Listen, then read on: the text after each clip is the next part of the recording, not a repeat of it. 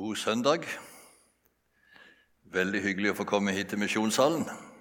Da jeg studerte teologi på midten av 60-tallet og utover, så var dette mitt åndelige hjem.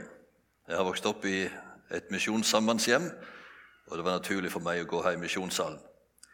Og Generalsekretær Tormod Vågen han inviterte alle misjonssambandsstudentene opp til seg en gang i måneden. Og Der satt han på en stol midt på gulvet, og vi satt rundt på stoler og puter overalt hvor vi kunne. Bokstavelig talt ved Gamaliels føtter. Og det var veldig verdifulle samlinger. Og faktisk, da jeg ble ferdig kandidat ute i teologien, så var jeg lærer et år på Fjellhaug både på misjonsskole og bibelskole. Så det er hyggelig å være i misjonssalen igjen. Og så har jeg fått et stort tema bønn. Og Det kunne jeg snakke mye om, men jeg skal gi dere noen highlights. Men vil dere lære litt mer, så har jeg skrevet en bok som heter 'Bønn framfor alt'. Den tror jeg har kommet i fem opplag nå. Og det er en veldig god bibelstudieplan bakerst. Den kan jeg skryte av, for den har jeg ikke laga selv. Mange har brukt den i grupper og sier at det har vært en fornyelse i bønnelivet. Og Så kom jeg med en bok i fjor som heter 'Gud helbreder oss i dag'. Det handler også om bønn. Jeg har noen eksemplarer for salg der ute i vestibyen.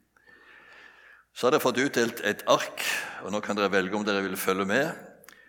Jeg har funnet ut at folk glemmer minst 90% innen 48 timer. Så nå har du sjanse til å ta med dette arket hjem og slå opp bibelstedene og repetere det du har hørt. Og Noen syns også det er godt med et sånt ark når de ser det nærmer seg slutten. Så det er mange fordeler med å ha en disposisjon.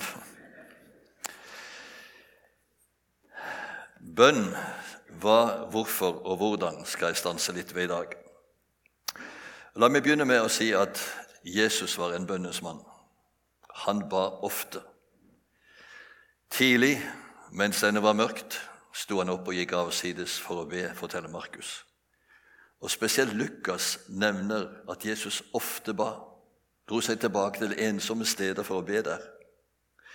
Og Når Jesus skal ta avskjed med sine disipler den siste kvelden før han skal lide og dø, så holder jo en lang tale som går fra slutten av Johannes 13, 14, 15, 16 og slutter med en lang bønn i kapittel 17. Hva er det viktigste Jesus vil pålegge disiplene sine denne siste kvelden, der han så å si gir dem sitt åndelige testamente? Det er bønn. Syv ganger gjentar Jesus at nå skal disiplene be. Nå skal de få lov til å be. Nå skal de få be i Hans navn. I Johannes 16, 24 står det hittil har dere ikke bedt om noe i mitt navn. Be, og dere skal få, så deres glede kan være fullkommen. Så bønn er ikke et ork, en tung byrde Jesus legger på oss. Det er en vei til fullkommen glede, sier han. Og Paulus selv, han var en bønnens mann. Han begynner hvert eneste brev med å takke og be for sine medarbeidere og sine menigheter. Ja, Bortsett fra Galaterbrevet, da er han sint. Men alle de andre, der begynner han med å be. Og så ber han selv om forbønn. Be om at de rette ord må bli gitt meg når jeg skal tale. Be om at jeg må få frimodighet til å forkynne Kristi hemmelighet slik som jeg skal. Og så oppfordrer han oss til å be. Og Det som er utgangspunkt for denne talen, det er 1. Timotius 2, og vi kan lese fra vers 1 til 4. Jeg formaner dere fremfor alt til å bære fram bønn og påkallelse, forbønner og takk for alle mennesker. Be for konger og alle i ledende stillinger, så vi kan leve et stille og fredelig liv med Guds frykt og verdighet i alt. Dette er godt og noe Gud, vår frelser, gleder seg over, Han som vil at alle mennesker skal bli frelst og lære sannheten å kjenne. Paulus har etterlatt Timotius i Efesos, en stor og vanskelig menighet. Og han gir han mange gode råd. Men hva er det viktigste Paulus pålegger Timotius, og jeg tror som han pålegger oss? Bønn framfor alt. Det er det viktigste. Det er det viktigste. Og Hva vil det da si å be? Ja, Den grunnleggende bønnen det er jo frelsesbønnen. Den som Bartimeus ropte da Jesus gikk forbi Jeriko. Kyrie eleison. Herre, miskunne deg over meg. Og Det tror jeg er en bønn som Jesus alltid bønnhører positivt. For han vil at alle mennesker skal bli frelst og lære sannheten å kjenne. Og Paulus sier i Romene 10,13 at hver den som påkaller Herrens navn, skal bli frelst. Spiller egentlig liten rolle hvordan du påkaller Herren, men at du påkaller Han til frelse. Og Jeg hadde en god opplevelse for en tid siden. Jeg viste en film i går om Torino-klede, og jeg holdt et foredrag en gang om Torino-klede. Der var det ei ung dame som ble frelst. Hun vitnet for sin nabo, som ble frelst. Og denne naboen vitnet for sin datter at hun hadde blitt frelst. Og Først ble dattera sint. Men hun hadde et ulykkelig liv og hadde prøvd det meste.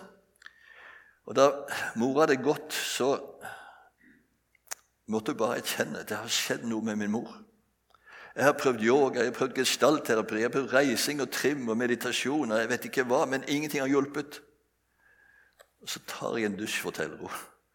Og Når jeg står der i dusjen, så sier jeg, 'Jesus, hvis du fins der ute, kom inn i hjertet mitt og gjør det nytt.' Og det gjorde han. Det var ikke mye tro i bønnen, men hun kom, hun påkalte Herrens navn og ble frelst. Og når vi tar imot Jesus, så gir han oss rett til å kalles Guds barn. Og Har vi barnerett, så har vi også bønnerett. Så nevner Paulus her i dette avsnittet fire forskjellige former for bønn. Først bønn, eller bønner. Det er bønn om hva som helst.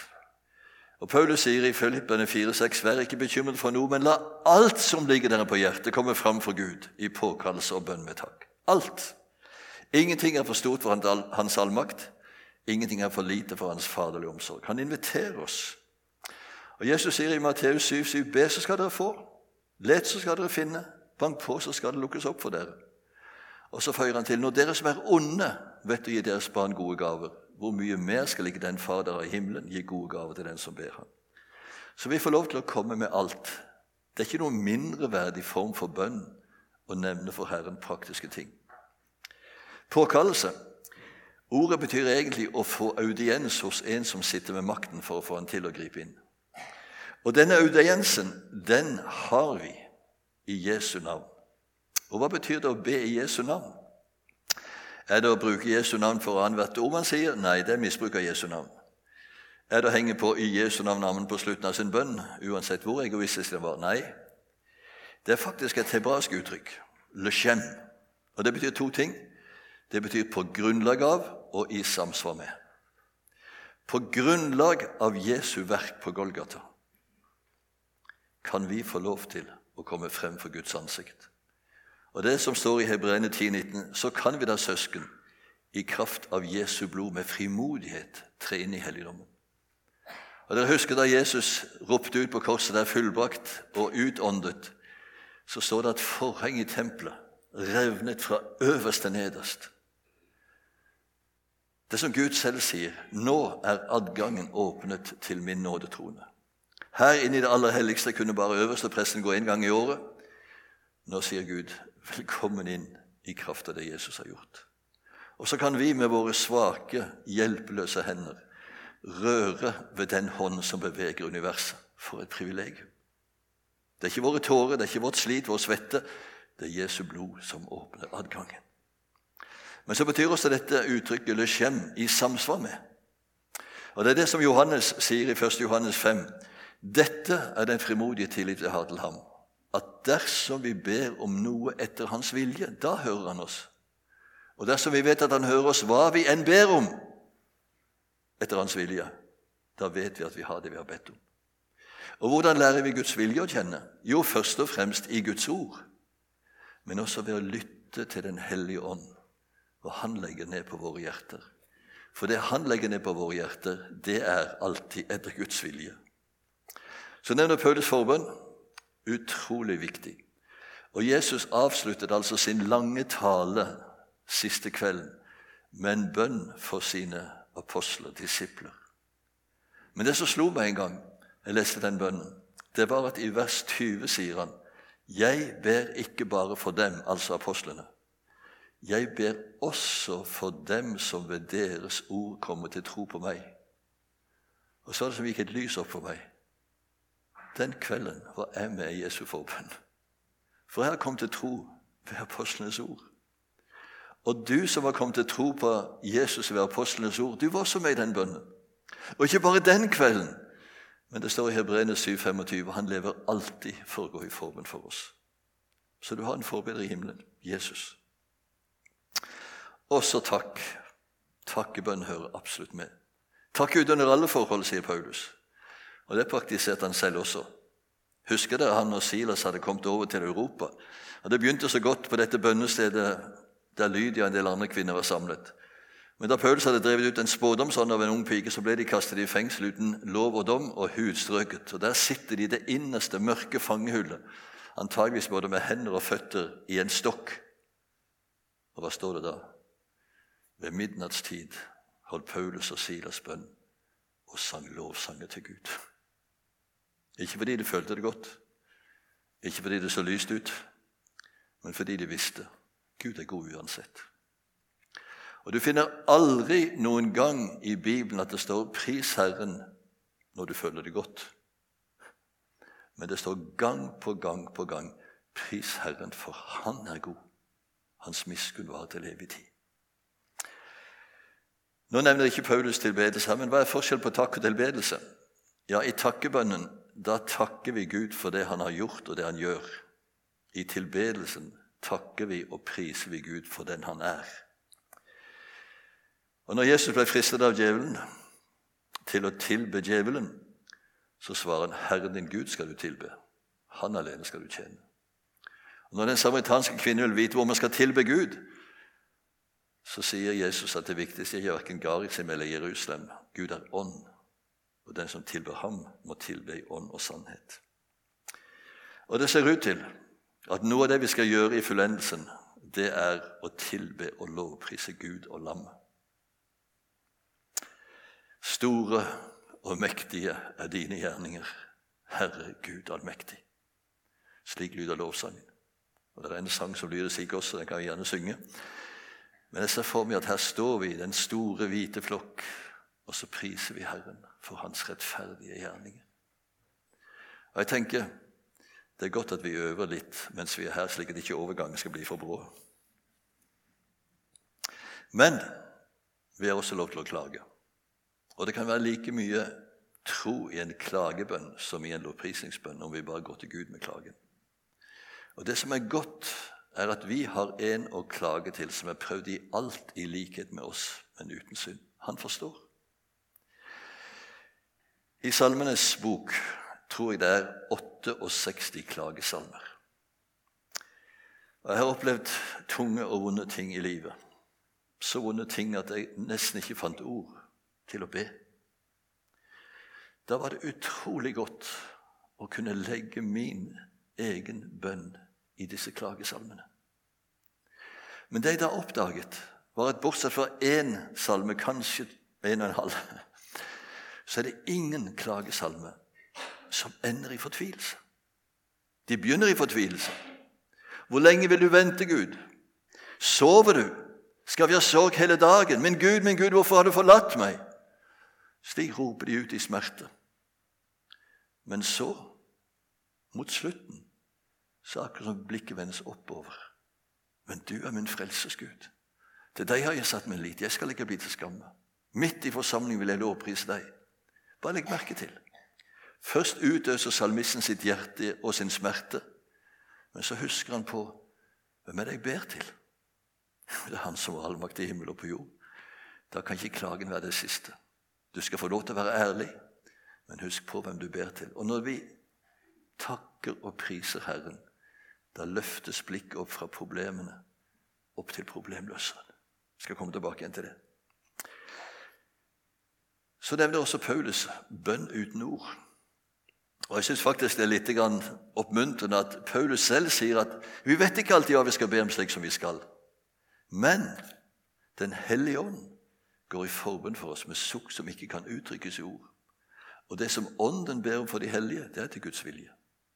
Så du har både en forbedrer i himmelen og du har en forbedrer i ditt hjerte hvis du har tatt imot Jesus, som går i forbund for deg. Når dine ord ikke strekker til, så fortsetter han å be for deg. Han skjønner din smerte. Han tolker dine følelser, dine tanker, om de aldri så rotete for deg selv. Og så tenker jeg hvis man får sette lyd på disse usigelige sukkene, så blir det tungetale. Tungebønn. Og Paulus takker Gud for at han ber mer i tunger enn alle. Han ønsker alle gjorde det. Jeg vil gjerne be med forstanden, jeg vil lovsynge med forstand, jeg vil be med ånden, og jeg vil lovsynge med ånden. Og Denne bønnen den på en måte utvider vårt bønnespråk, både i høyde og dybde. Noen ganger kan du kanskje føle at dine ord lovpriser deg, takker deg, opphøyer deg, lover deg osv. blir for, for svake. Og tenk om jeg kunne få lovprise Gud med min ånd. Og så kommer Ånden oss til hjelp. Eller kanskje smerten er så stor at det finnes ikke ord. Og så får du sette ord på disse usigelige sukk ved å be i tunger. Det er også en gave. Men hvorfor skal vi be?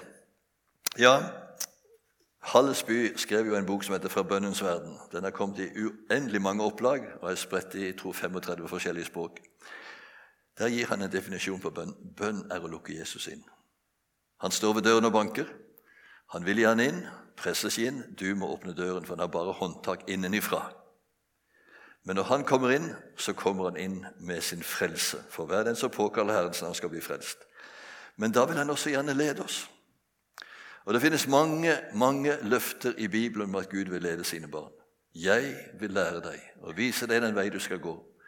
Jeg lar mitt øye hvile på deg og gir deg råd. Men skal vi lære hva som er Herrens vilje, da må vi lytte og lyde. Lytte det som ligger på Herrens hjerte. Jeg leste nettopp denne beretningen da Maria og Martha får besøk av Jesus. Og Maria setter seg ned ved Jesu føtter og lytter. Martha går i gang med å stulle og stelle, som enhver god husmor ville gjort. Og Jeg har hørt mange predikanter som har forsvart Martha. Hadde alle vært som Maria, så hadde ingenting blitt gjort i denne menigheten. Takk og pris at vi har Martha her. Men det er ikke enten Maria eller Martha. Det er først Maria-plassen, og så Martha-tjenesten. Men vi begynner ofte som Martha. Og Jesus sier du gjør deg strev og uro med mange ting. Ordet som er brukt på grunnteksten, per Jesper 2, betyr å bli dratt i mange retninger. Martha, du er dratt i så mange retninger at du har mistet hovedretningen. Og det er ikke slik også vi ofte begynner. Kjære Gud, nå har vi planlagt dette og dette og dette. Nå må du velsigne det vi har funnet på. Og ikke sikkert det var det Herren ville. Men hvis du lyttet til hva som lå på hans hjerte, så kan du vandre i velsignelse. Ja, men tør jeg ta sjansen på å gjøre Guds vilje? Jeg snakket for en tid siden med ei ung dame. og Hun fortalte meg ærlig og oppriktig at jeg hopper konsekvent over tredje bønn i Fader vår. La din vilje skje på jorden slik som i himmelen. Hva, sa jeg. Hvorfor gjør du det? Tør ikke be den bønnen.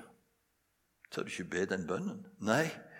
Jeg vet at Hvis jeg ber den oppriktig, så havner jeg enten i Finnmark eller på en misjonsmarked. det vil jeg ikke. Ærlig svart. Men så måtte jeg spørre du sier meg en ting. Hvis det nå var Herrens vilje at du skulle til Finnmark eller til en misjonsmark, tror du da at Herren ville si nå lurte jeg deg godt, da kan du sitte der ensom har forlatt resten av livet? Og Det er det jeg trodde.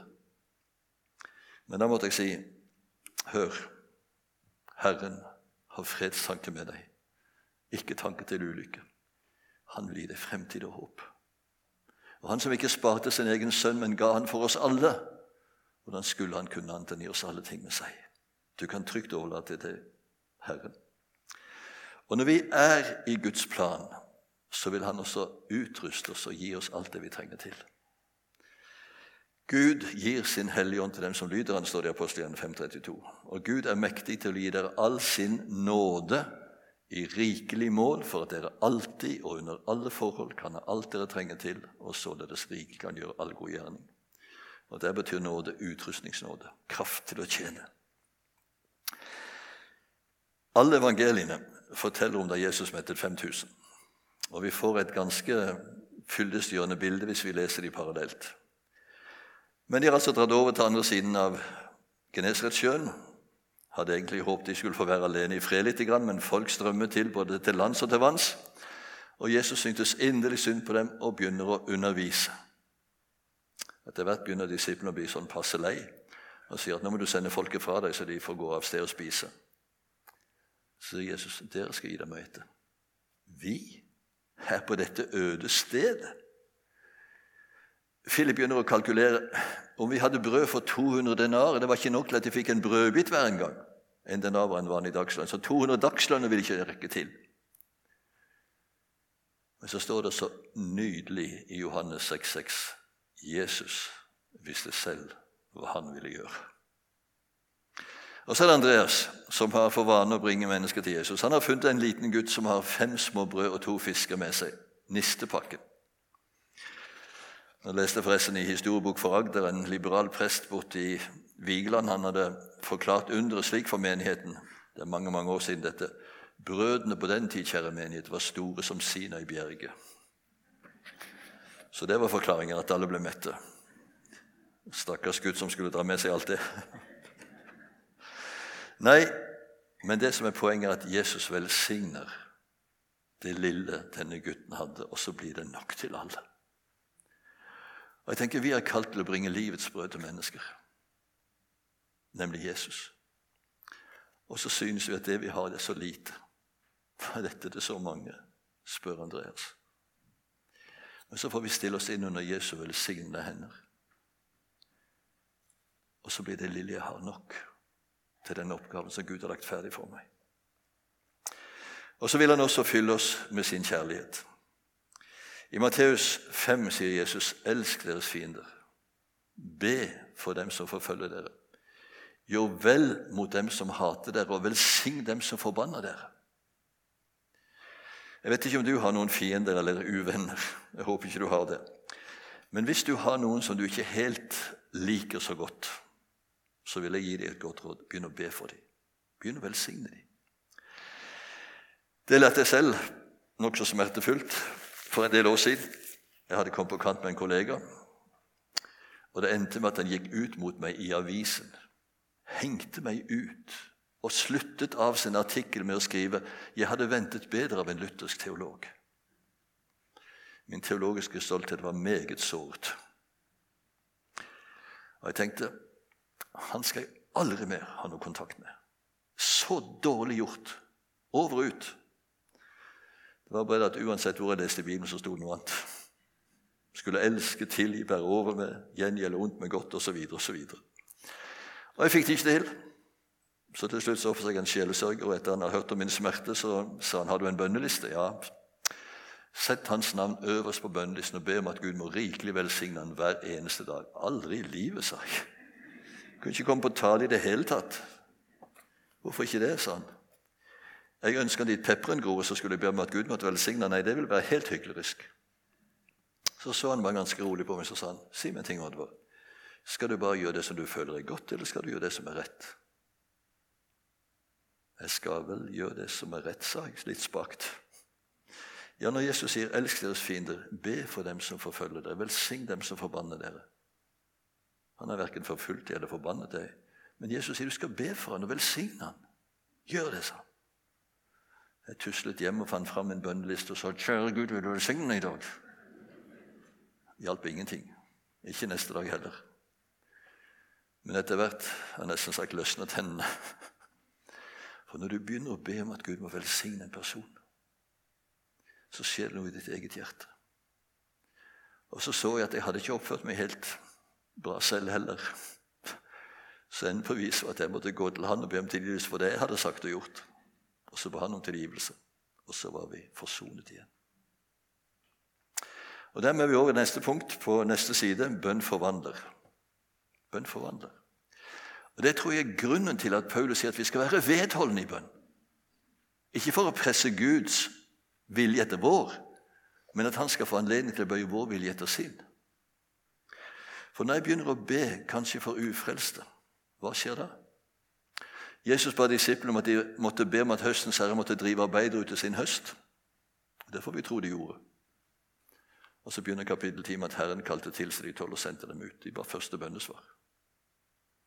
Men jeg tror begynner du å be for dine ufrelste naboer, venner, slektninger, klassekamerater, studiekamerater, arbeidskamerater, hva det måtte være, så får du en nød for dem, og du får en kjærlighet til dem. Det skjer noe med deg som ber. Og så skjer det noe med de vi ber for. Paulus fortsetter videre med å si ber om at Gud må åpne en dør for ordet inn til menneskenes hjerter. Jeg hadde en god venn i Kristiansand. Han er dessverre jeg burde ikke si det, da, men jeg forfremmet til herligheten. Men han var en frimodig evangelist og en bønnekjempe. Og Han fortalte meg følgende historie. Han og kona pluss en annen familie, ektepar, de hadde blitt enige om at de skulle be for et tredje naboektepar at de måtte bli frelst. Og De hadde gjort en avtale at de skulle be hver tredje time på dagen. Klokken tre, klokken seks, klokken ni, klokken tolv, enten de var sammen eller hver for seg. Kjære Gud, frels naboene våre. Så gikk det bare tre måneder. Så skal det være en møteserie i bedehuset.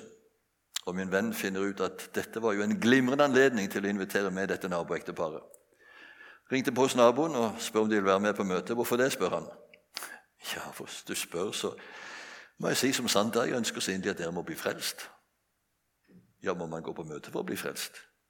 Nei, strengt tatt ikke, men ofte er det slik når man går på møte og hører Guds ord forkynt, så kommer man til tro, og så blir man frelst. Det går ikke an å bli frelst her, spurte naboen.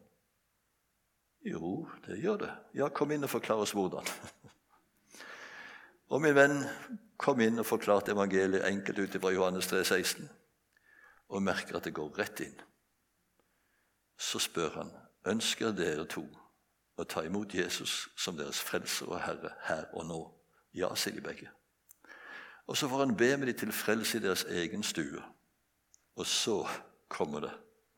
Mannen sier, 'Du kan tro det har vært en underlig tid for oss i det siste.' Både kona mi og meg har følt at Gud har kalt på oss. Det er nesten som en uro som har gått over oss så å si hver tredje time på dagen. Kjære Gud, kall på naboen vår. Frels. Og Så kan bønn forvandle situasjoner. Dere husker da Peter var fengslet. Jakob hadde blitt halshogd. Peter skulle lide samme skjebne. Men natten før ligger han og sover, lenket til en soldat på hver side. Og så står det 'menigheten ba inderlig til Gud for han'. Og Så kommer en engel inn i cellen. Lenkene faller av. Celledørene åpner seg, porten til gaten åpner seg. Peter tror han drømmer, men det er virkelighet. Og Han løper av gårde der de er samlet og banker på døren, og tjenestepiken glemmer å lukke opp og sier 'Peter står utenfor'. Du er fra forstanden, sier det må være engelen hans. Men det var Peter. Og Så kan vi spørre hadde det skjedd hvis de ikke hadde bedt. Hvorfor ble Jakob halshogd? Var det ikke på han? Og Her rører vi dette her vanskelige problemet. Hva er forholdet mellom Guds vilje og min bønn? Hvor møtes det? Når jeg tenker be, så skal dere få. Dere har ikke fordi dere ikke ber. Og når vi ber, så settes himmelens krefter i funksjon. Så er bønn et mektig våpen. Vi er faktisk i krig. Vi har ikke kamp mot kjøtt og blod, men mot makter og myndighet, mot ondskapens ånder i himmelrommet, sier Paulus. Og Der er bønn både et forsvarsvåpen, vi kan be om beskyttelse, og et angrepsvåpen. Peter lå på veien ut til Getsemen. Om alle andre svikter deg, så skal ikke jeg svikte deg. Men Jesus sier, 'Våk og be så dere ikke skal komme i fristelse. Våker de? Nei, de sovna. Og han som hadde lovt han var villig til å dø med Jesus, han står en stund etterpå og banner på at han ikke kjenner Jesus. Hadde han gjort det hvis han hadde våket? Står djevelen imot, han skal fly fra dere, sier Jakob. Jeg tror vi står han imot i bønn. Så kan vi be en beskyttelse. Og jeg tror det er veldig viktig at jo lenger frem i striden man står, jo mer bønnestøtte trenger man. Dere må be for Jon Kjetil. Dere må be for de som er ledere. Jeg har tre forbedere som ber for meg, og de ber for meg nå. Jeg er helt avhengig av dem. Og Paulus han ber også om forbønn. Be om at jeg må bli berget fra de vantro ideer, sier han når han er på vei tilbake til Jerusalem.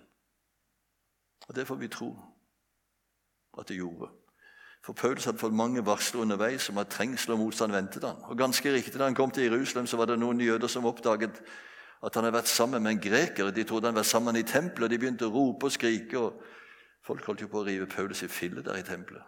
Men heldigvis så ble han berget av vaktstyrken. Men 40 jøder er så forbitret at de lover de skal ikke smake verken mat eller vann før de har tatt livet av Paulus. Men en nevø får nyss om dette og går til kommandanten og forteller det. Og Kommandanten sender Paulus til Cesarea ved havet, ledsaget av 200 soldater. 70 lett bevæpnede menn og 200 andre fotfolk. Ble han berget? Ja. Og så er bønn også et angrepsvåpen.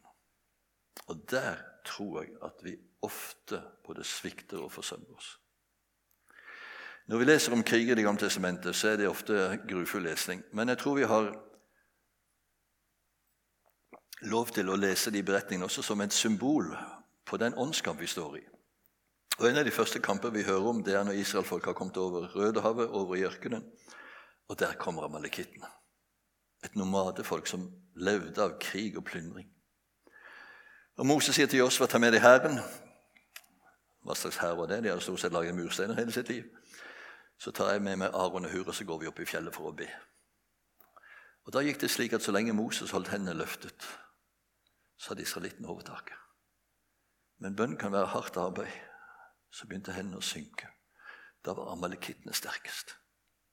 Men så kommer Aron og Hur og holder hendene løftet like til kvelden. Og slik vant Josva en veldig seier over amalekittene, står det. Og her skrevet i margen hvor ble krigen avgjort? På sletten eller på fjellet? På fjellet. Og når jeg fredag og lørdag leser denne elendige avisen vi har på Sørlandet, som heter Fedrelandsvennen, populært kalt Feven, og den stemmer veldig godt, så tenker jeg av og til på her er det spalte opp og spalte ned med møteannonser. Hva skjer på alle disse møtene? Blir folk frelst? Blir folk fornyet? Blir folk helbredet? Blir folk utfridd? Eller blir det enda et møte til møteavholdelsens fremme? Er det fordi det svikter oppe på fjellet? Hvorfor er det så få som samles til bønnemøter? Hvorfor tror vi at vi skal klare alt så godt selv? Vi har opplevd noen fantastiske helger på Sørlandet siste med vekkelse på Vigeland. Hundrevis av mennesker har kommet til møtene, og mange mange har blitt frelst. Men hva begynte det med? Bønn, bønn bønn. Jeg var på en konferanse for mange år siden. Der var det en professor med Edvin Aar som hadde undersøkt vekkelseshistorie de to siste århundrer over hele verden. Tatt doktorgrad på det. Og han sa det finnes ingen eksempler i historien på vekkelse som begynte uten forutgående bønn. History is silent about any revivals that didn't start with prayer. Tror vi det? Ja, det vil vise seg om vi praktiserer det. Da tror vi det. Derfor leser de andre skriftanvisningene når dere kommer hjem. Nå blir du kanskje litt svett, men da med det som sier bønn gir hvile. Kom til meg, alle som strever og bærer tunge byrder. Jeg vil gi dere hvile.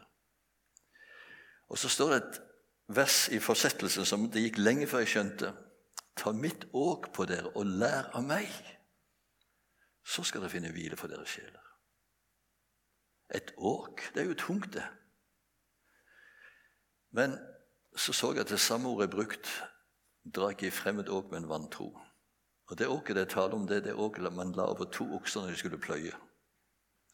Da tok man gjerne en stor, sterk, kraftig okse og satte sammen med en litt yngre, ung, uerfaren. Og så dro de sammen. Og den store, han visste veien. Og når den unge ble trøtt og ikke maktet mer, så dro den store oksen både plogen og den unge oksen. Og Det er det bildet Jesus bruker. Han er den store oksen. Så inviterer han oss små okser, og kanskje vi skulle si kuer også, til å gå sammen med seg. Han vet veien, og han har kraften. Så kan du finne hvile. Og så var det dette bønnen med takk. Jeg var så heldig at jeg fikk høre Corrie ten Boom tale på et møte for mange år siden. Dere kjenner kanskje navnet. Hun har skrevet noen bøker som kom på norsk også, 'Skjulesteder og landstryket for Herren'. Men hun hadde tatt med seg en bag for å illustrere dette med bekymringer. Løftet bagen opp på talerstolen. 'Dette er alle mine bekymringer', sa hun. Og så står det 'Jeg skal legge dem frem for Herren'. Så dukka hun ned i bagen og dro opp en lang strømpe. 'Kjære Gud, skal jeg gjøre med dette problemet? Ingen ende på det.' Så dukka hun ned til en hanske. 'Kjære Gud, hva skal jeg med en hanske?' Og så sutra hun seg gjennom alt det hun hadde i denne bagen. Til slutt var det en hel haug. Og så sa hun ammen med gråten i halsen. Putt alt oppi bagen igjen og gikk videre enda mer nedbøyd. Det hjalp ingenting, sa hun. Men så la jeg merke til hva som sto der. Det sto ikke bønn og takk, men det sto bønn med takk. Og nå ber jeg slik. Opp med bagen igjen, ned til strømpen. Kjære Gud, takk for dette problemet som jeg ikke ser noen ende på. Det kan du vende til det gode. Og for hver ting hun tok frem, så takket hun Gud. Ikke for problemet, men hun siterte et løfte. Og så sa hun det å be med takksigelse, det er å minne både Gud og seg selv om hans løfter. Og når hun hadde takket seg gjennom alt, så lot hun det ligge, og så gikk hun videre med tom bag og kjente på Guds fred som overgår all forstand. Helt til slutt hvordan be. Ja, kort. Hvor? Overalt. Herren er nær hos den som påkaller ham, står det i Salme 145. Og Det er ikke verken Jerusalem eller Garisem. Gud er ånd, og den som tilber ham, må tilbe ånd og sannhet. Men så er det allikevel veldig godt å ha et eget bønnested. Moses hadde et telt utenfor leiren der han søkte Herren. Jesus gikk ut i naturen. Eller han sier i Matteus 6.: Gå inn i ditt lønnkammer, og din far som ser det skjult, han skal lønne deg i dagen. Jeg var faktisk på min første retreat i 1991. Og siden har jeg stort sett vært én gang i året på en retreat, og det anbefaler jeg sterkt. Men der opplevde jeg hvor mye den ytre ramme betyr for den indre samling. Jeg hadde stort sett hatt min stille stund ved min skrivepult. Men min skrivepult den flyter alltid. Jeg lever etter mottoet at den som har orden på sin skrivepult, opplever ikke gleden ved å finne ting han for lengst trodde var tapt. Den gleden opplever jeg stadig. Men det var et dårlig bønnested. Og så oppdaget jeg hvor mye det betydde med å ha en ytre ramme rundt. Så da jeg kom hjem igjen, så innredet jeg et kott på loftet, hev ut alt rotet som var der, satte inn et bord en kneleskammel, et Jesusbilde, et lys, en bok eller en stol, og lukket døren. Og det var som jeg lukket verden ute og Jesus inne. Der kunne jeg stå, der kunne jeg sitte, der kunne jeg knele, der kunne jeg be høyt. Der kunne jeg le og gråte innenfor Herren også. Det ble en helt ny dimensjon. Og hvor jeg har bodd siden, har jeg hatt et bønnerom. Jeg anbefaler det sterkt. Noen syns det er viktig å ha et TV-rom i huset. Sier det noe? Jeg tror et bønnerom er viktigere. Når kan vi be? Til enhver tid. Aldri opptatt hos Herren. Samtidig kan det være godt å ha faste avtaler. Jøden hadde minst tre, noen ganger fem bønnetider om dagen. En tradisjon som også Kirken har overtatt. For å vise at vi skal søke først Guds rike og la det andre ligge. David sier i Salme 5 at tidlig Hører du min røst? Tidlig bærer jeg frem mitt offer og venter. Og Jeg syns det er godt å begynne dagen før alt annet med en stille stund med Guds ord og bønn. Legge alt frem for Herren. Men så vet jeg at B-mennesker de kan ikke be om morgenen. Da er det godt at det står i Salme 119, vers 62 midt på natten står jeg oppe og priser deg. Så Gud velsigne deg hva som er best for deg. Men finn noe som fungerer. Og finner du ikke egne ord, så bruk andres ord. Jeg har allerede nevnt salmene. Det er Bibelens store bønnebok. Og så er det viktig når du leser Guds ord, at du også mediterer over Guds ord. Hva betyr dette for meg i min hverdag? Og Gjør du det, står det i salmen, så ligner du et tre som er plantet ved rennende bekker. Det gir sin frukt i rette tid, og løvet visner på det. Og Det er et flott bilde, for når den varme ørkenvinden blåste fra øst, så visnet all vegetasjon. Men så var det noen trær som sto der like grønne, bar frukt i rette tid, fordi at røttene var i fuktig jord ved bekken. Og vi skal ha våre åndelige røtter i Guds ord. Da vil vi ikke bli påvirket av de ytre omstendigheter eller indre følelser. Men da bærer vi frukt i rette tida likevel. Og så er det mange bønner i Bibelen, og når du ber disse bønnene og gjør de personlige, så ber du iallfall etter Guds vilje. Det kan du være sikker på. Sett inn ditt eget navn. Slå opp disse bønnene når du kommer hjem og be de for deg selv. Jeg ber ofte Kolossene 1 i at Gud må gi meg visdom og innsikt ved Den hellige ånd, så jeg lærer Hans vilje å kjenne. Gi meg øyne til å se, til å forstå, osv. Og, og litt om fellespanel til slutt. Jeg vokste opp på et bedehus hjemme i Bjerkreim for nesten 100 år siden. Nei, ikke så lenge. Der hadde vi noe som heter småmøter. Det var bønn- og vitnemøte. Det var ikke alltid det kom en taler, så vi hadde bønn- og vitnemøte. Og det syns jeg var gode møter. Var flott å høre disse vitnesbyrdene fra eldre, erfarne kristne. Og når de så hadde vitnet, så skulle det bedes. Og da skal jeg si de kunne be, altså. Lange bønner med kanoniske klisjeer og hebraisk aksent. Og stakkars lille meg var ikke mulig å åpne munnen etter at alle de hadde bedt om alt mange ganger. Men så kom jeg på skolelaget på Bryne. Og Der var det ei ung dame, eller ung jente, hva det man si, som hadde lest ei bok om samtalebønn. Og hun sa når vi nå ber, så får du ikke lov til å be mer enn én setning. Men du kan be så mange ganger du vil. Og for første gang i mitt liv fikk jeg åpnet munnen og bedt en bønn. Og Jeg tror faktisk jeg ba et par setninger til også den kvelden. Men det var akkurat som et eller annet løsnet. Jeg kjente hvor godt det var å be høyt. Og Det tror jeg vi må rett og slett, ikke minst overfor unge, gi dem frimodighet til å be ikke en setning eller to. Du bør ikke be lange bønner, men be heller flere ganger. Bønn er ikke en prestasjon. Du skal få snakke med Herren. Og Kan du snakke norsk, så kan du snakke med Herren også. Eller ledet bønn. Dette her at en noterer bønnemner, og så sier han vil en eller to be for dette, vil en eller to takke for dette. Og så får alle bli med i bønnen. Og Det er mange andre ting også som kunne nevnes for å fornye fellesbønn. Jeg har skrevet litt om det i den boken. Men så vil jeg til slutt nevne tre i bønn. Det lærte jeg av en som het Brian Mills. Han skulle forberede en Billy Graham-aksjon i London på 80-tallet. Og Billy Graham var veldig nøye på at aksjonene ble forberedt minst et år på forhånd i bønn. Og hvordan skal jeg gjøre dette, tenkte han. Så fikk han en idé om å Han kalte det for prayer triplets, bønnetrillinger. Og Han oppfordret tre og tre til å komme sammen og be for tre ufrelste venner hver, slik at hver bønnetrillinggruppe ba for ni ufrelste. Til slutt hadde han 4000 slike grupper. Og han sa alle gruppene opplevde at minst én som de hadde bedt for, ble frelst. Mange grupper opplevde at de ble frelst før aksjonen startet. Og Det tipset har jeg gitt flere steder, og mange kan komme og fortelle de har opplevd det samme. De har kommet sammen og begynt å be for naboer rundt. Og så har de kommet i samtale med dem og så har de vist at de er jo vi åpne for å ta imot.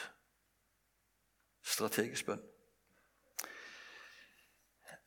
Vi lever i en tid der vi merker at åndskampen skjerpes ganske betraktelig. Jeg må si at For tid til annen så kjenner jeg nesten på mismot. Hvordan skal dette gå? Er vi på vikende front? Er vi på den tapende laget? Nei, det er vi ikke. Vi er på det seirende laget. Men det er lett å bli mismodig når vi ser på omstendighetene rundt oss. Og Da er det godt å bli minnet om det som Paulus sier i 2. Timotius 1,7. Gud ga oss ikke en ånd som gjør motløs, men en ånd som gir kraft og kjærlighet. Og sindighet, sto det i den gamle oversettelsen. Nå står det visdom. Men Peter sier i 1. Peter 4,7 Slutten på alle ting er kommet nær. Våg, vær edrue og sindige. Det har du samme ordet. Så dere kan be. Hva er kristen sindighet? Det er ikke å bli motløs, men det er å be. Og I denne kampen vi nå står i, har vi altså fått to våpen som duger. Det ene er Guds ord, det er vårt åndelige sverd. Og det andre er bønnen til forsvar, til beskyttelse og til angrep. Og Skal vi oppleve vekkelse igjen, så tror jeg bare det er én vei, og den heter bønn framfor alt. La oss be. Herre Jesus Kristus, takk for disse fantastiske løftene du har knyttet til bønn. Takk at vi kan få komme frem for deg med absolutt alt som ligger oss på hjertet. Ingenting er for stort for din allmakt. Ingenting for lite for din faderlige omsorg. Takk at vi med våre små, svake, hjelpeløse hender kan få røre ved den hånd som beveger universet. Takk, Herre Jesus, at om vi snubler og faller, så er vi allikevel med i ditt seierstog. Takk at vi en gang skal få se at du triumferer overalt, for du har den høyeste makt i himmel og på jord. Og Så ber jeg Herre Jesus at du må utøse din ånd over denne forsamlingen. Nådens og bønnens ånd, Slik at det å be det blir det mest naturlige av alt. Det viktigste av alt. Og Da tror vi også her at du kan sende vekkelse på nytt. Det ber vi om i Jesu navn. Amen.